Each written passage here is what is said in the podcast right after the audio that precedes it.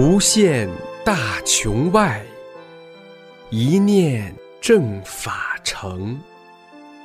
师尊慈悲愿，万物沐春风。请听明慧专题《一师恩》。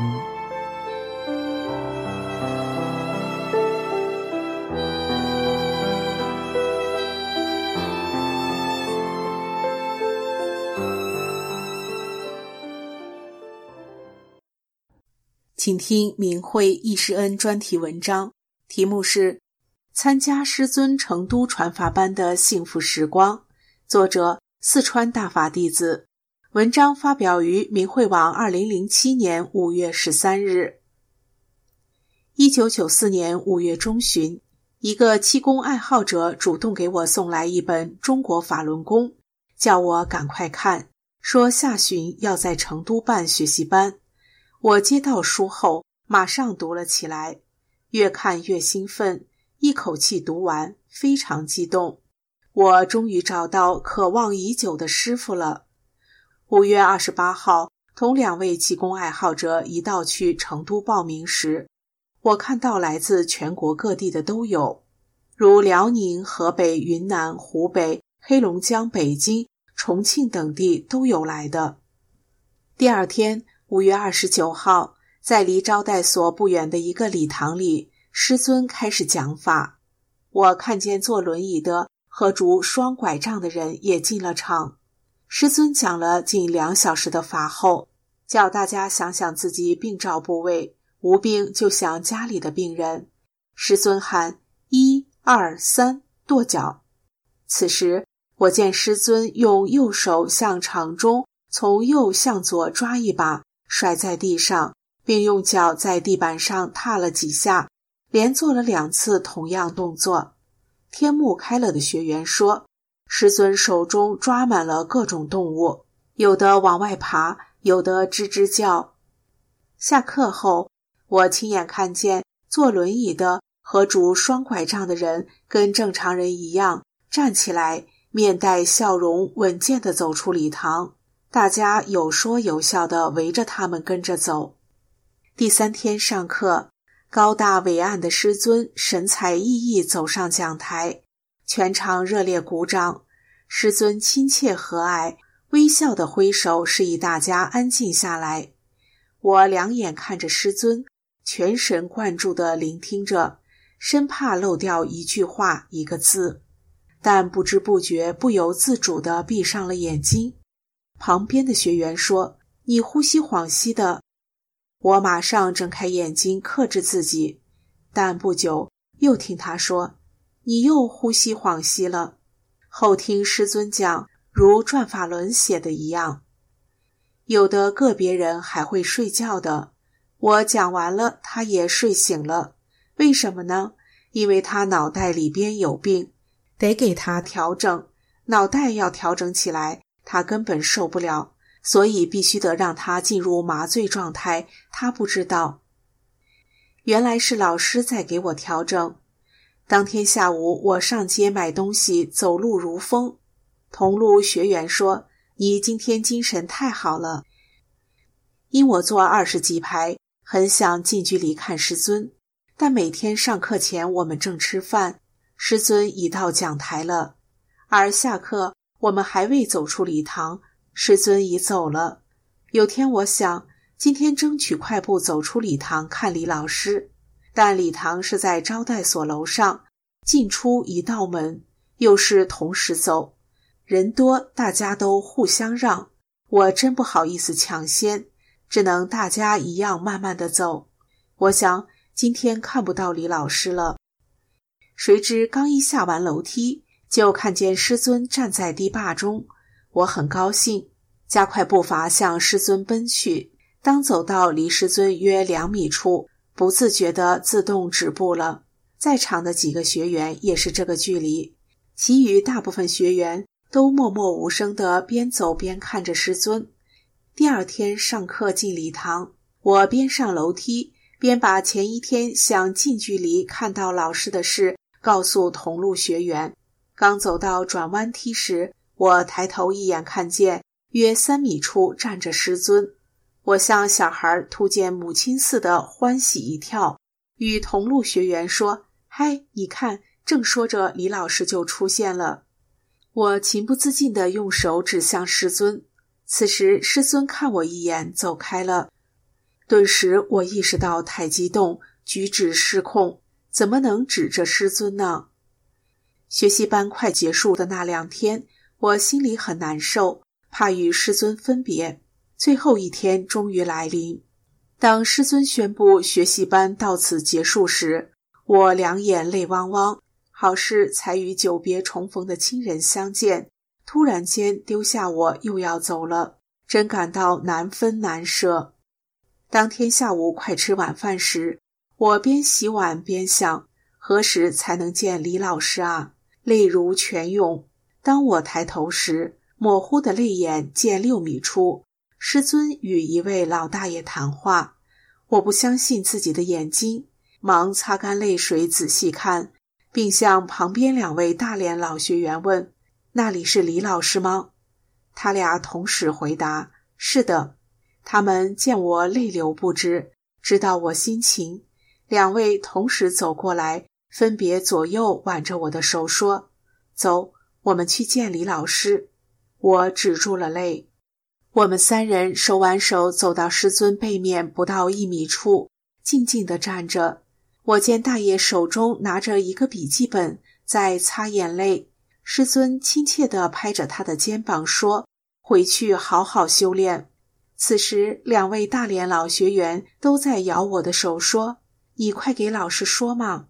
我回答：“李老师讲得很清楚，没啥可问，只是想近距离看看李老师。”我心中想着：“李老师，您太好了，再见了，以后。”我只有在照片上见您了，连想两遍。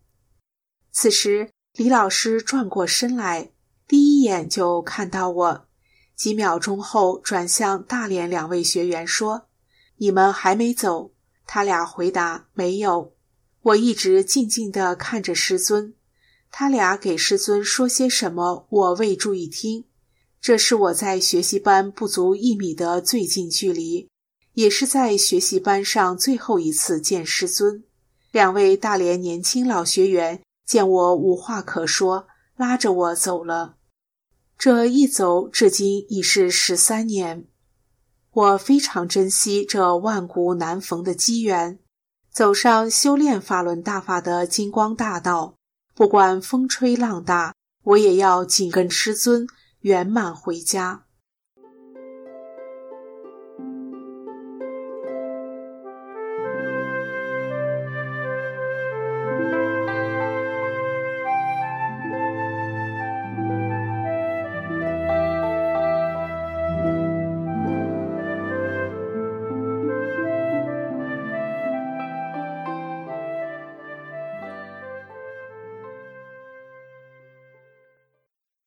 请听易师恩专题文章，题目是《永生不忘的记忆》，作者成都大法弟子。我是一九九四年得法的，时光飞逝，转瞬十三年，师尊在成都传功讲法的情景历历在目，将亲历和知晓的事写出来，与同修共享。聆听师尊讲法，三生有幸。一九九四年五月二十九日。至六月五日，师傅在成都办了传功讲法班，在讲真正往高层次上带人的法时，师傅说：“这件事情只有我一个人在做，这样的事情机会不多，我也不会老这样传下去。我觉得能够直接听到我传功讲法的人，我说真是，将来你会知道，你会觉得这段时间是非常可喜的。当然，我们讲缘分。”大家坐在这里都是缘分。选自《转法轮》。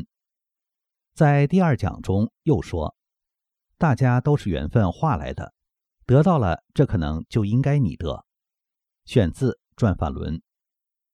我对修炼一无所知，对缘分的理解仅限于因缘。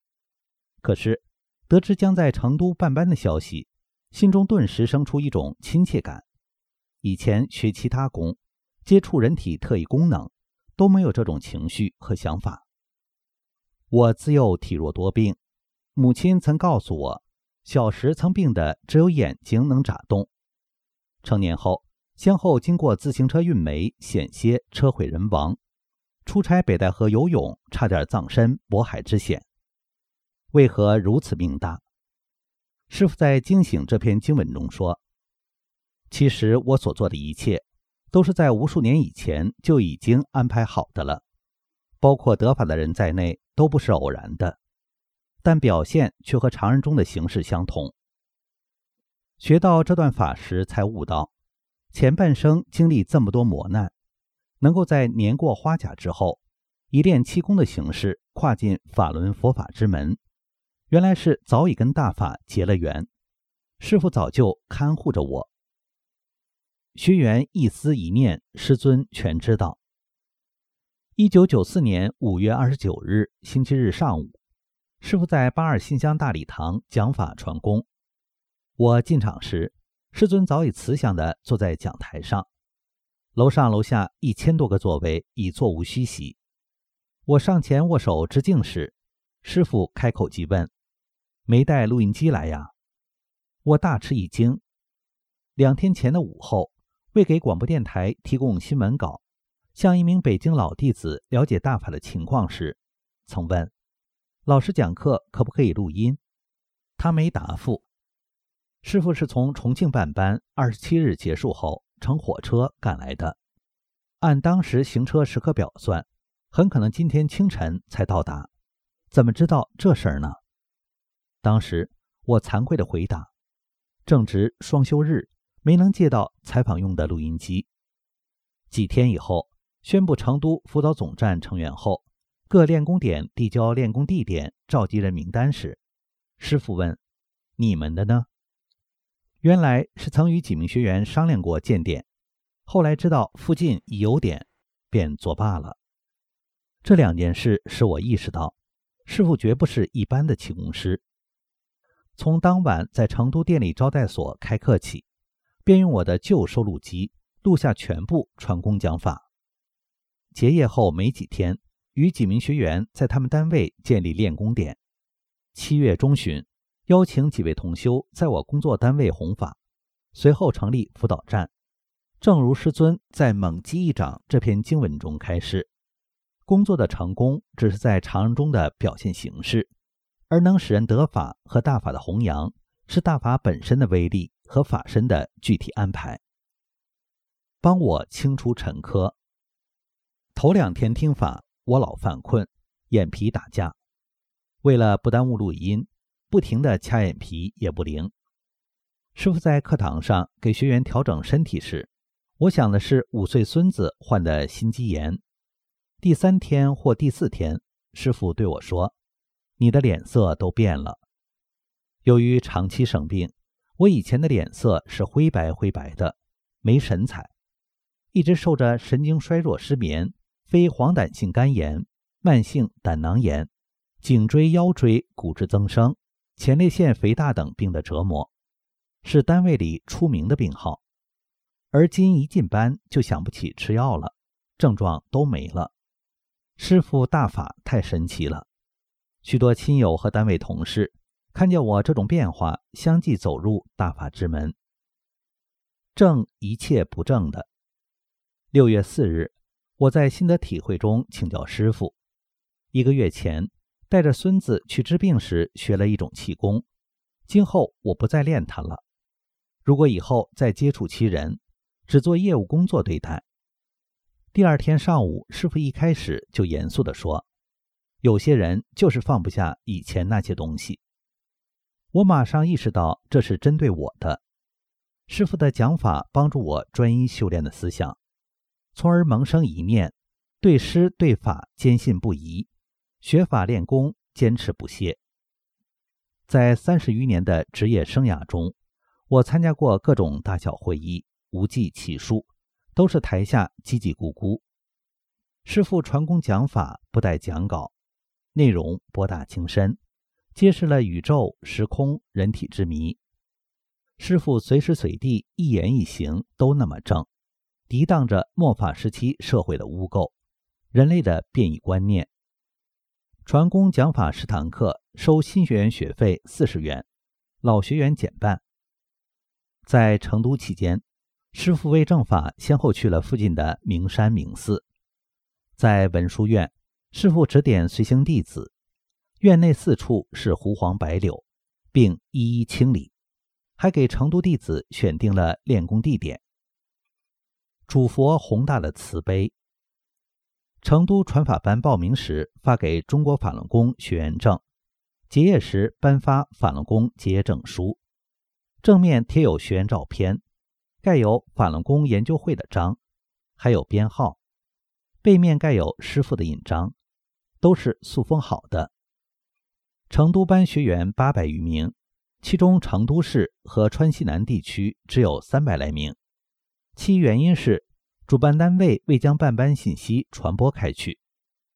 开班第二天，师傅向我提到在电台热线直播的事儿，我悟性差，只是回答作为一名一般工作人员，无决定权。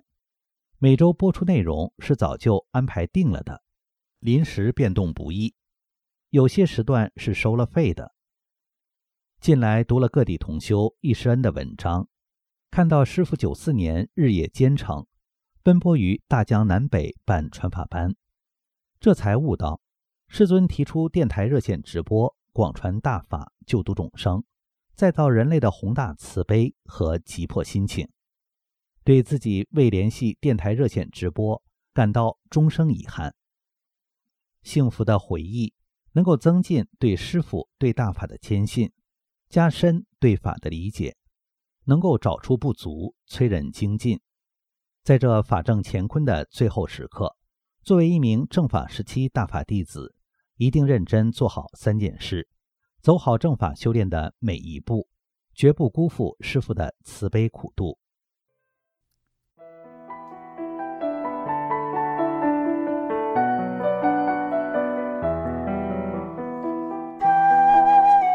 您现在收听的是明慧专题《易师恩》。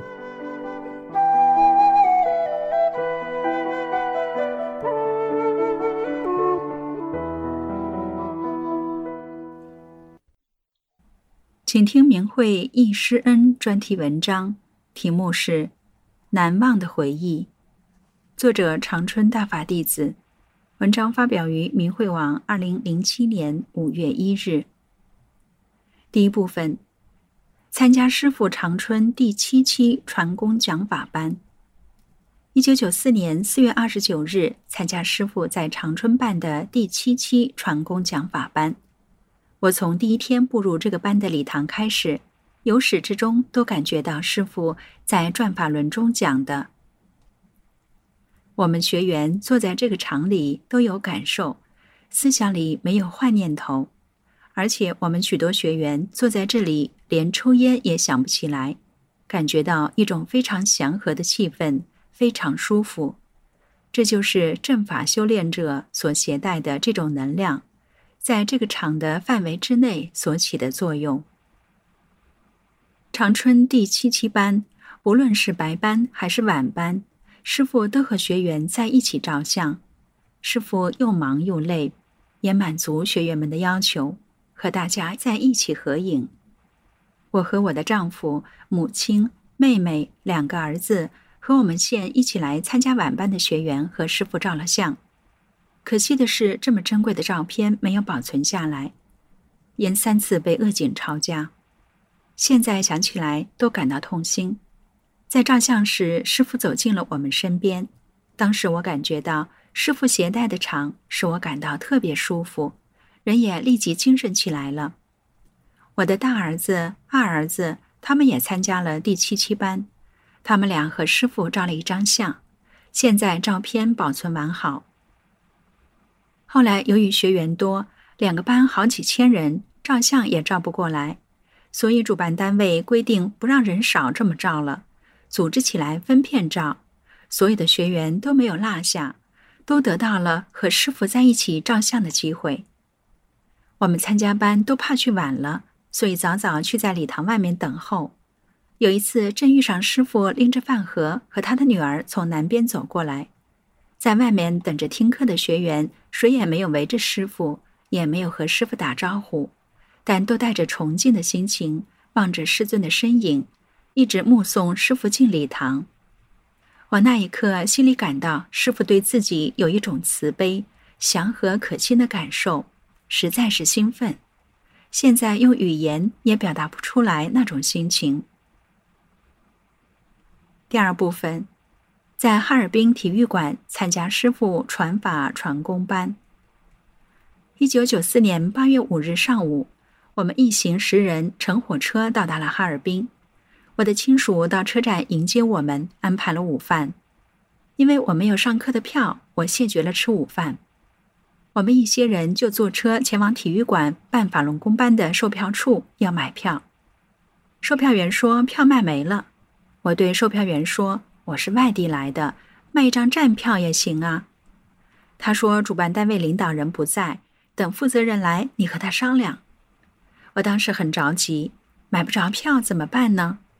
我就决定哪儿也不去了，就在原地等着负责人和他联系，买一张站票也行。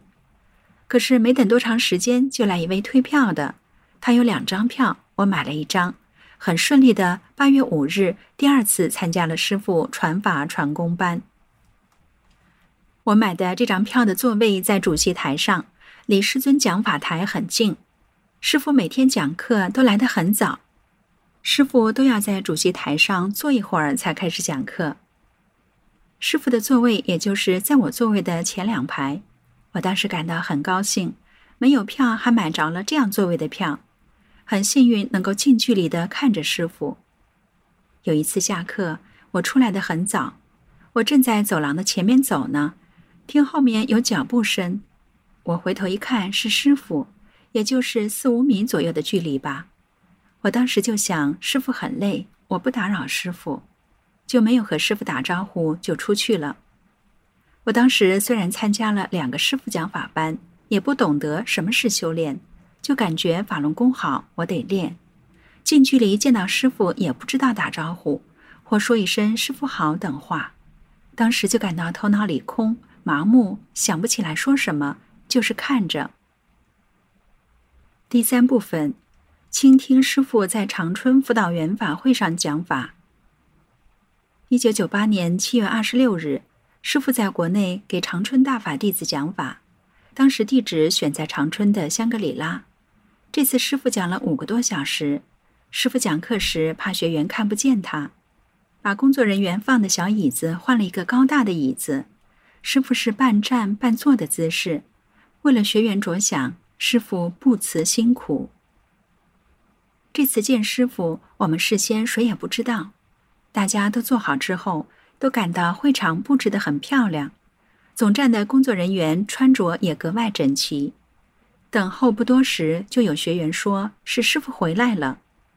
随后，师傅由总站站长陪同从西侧门步入会场。正巧师傅从我坐的过道边上过去，当时就是哭，很多学员都在哭。我也一直在哭，流了很长时间的眼泪。哭的时候，心里就想：我修的不好，对不起师傅。讲法中间休息时，我与我们先去的几位同修说：“咱别上台前去了，让师傅休息一会儿吧。师傅太累了。”这五个多小时的讲法，我坐在台下，那真是聚精会神的，目不转睛的看着师傅。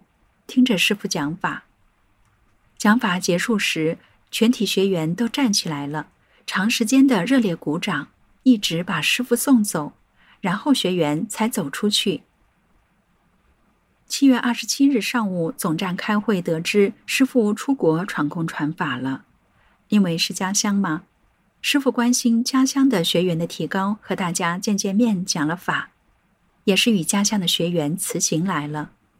总站的工作人员说：“师傅去美国，是美国的永久居民。”那天上午参会的学员心情都很沉重，有的落了泪。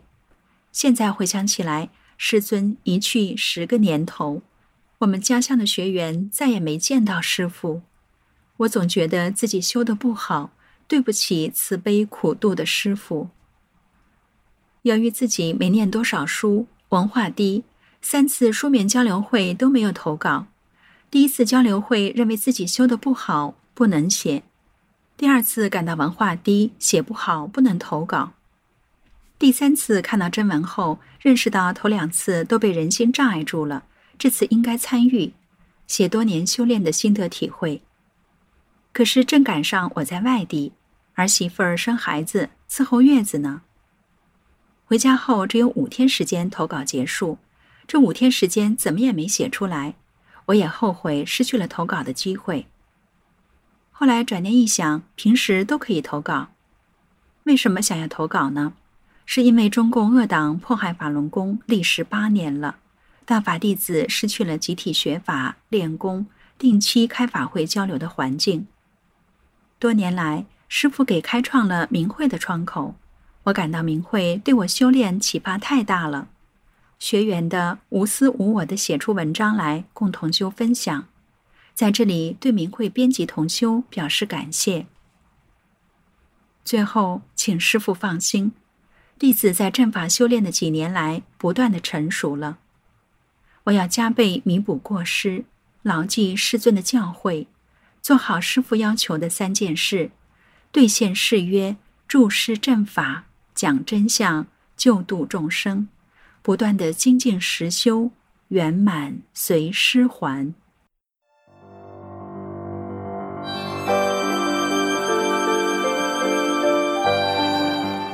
这一期的易师恩就到这里，谢谢收听。